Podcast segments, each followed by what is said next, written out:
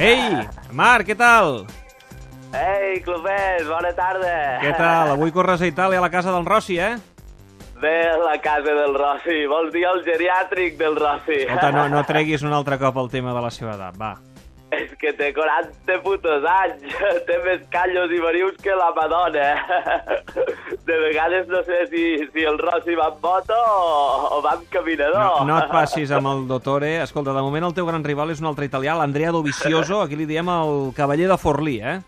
A veure, cal treure motes a tots els pilots? No sé, pregunto jo, eh? Ah, si tu li haguessis de posar un mal nom o un sobrenom a Dovizioso, què li posaries? A veure. Que quin mote li posaria al novicioso? La Primavera Sound. La primavera Sound per què?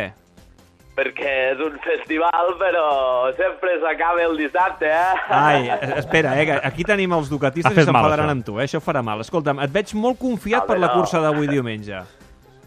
Clar, com, com el meu germà Àlex, que també ha guanyat. Que, un moment, què és això que em penja de la cintura, que, però que m'ho he d'enrotllar a la cama perquè si no m'entre banqueria? Ah, sí, la xorra! Au, va.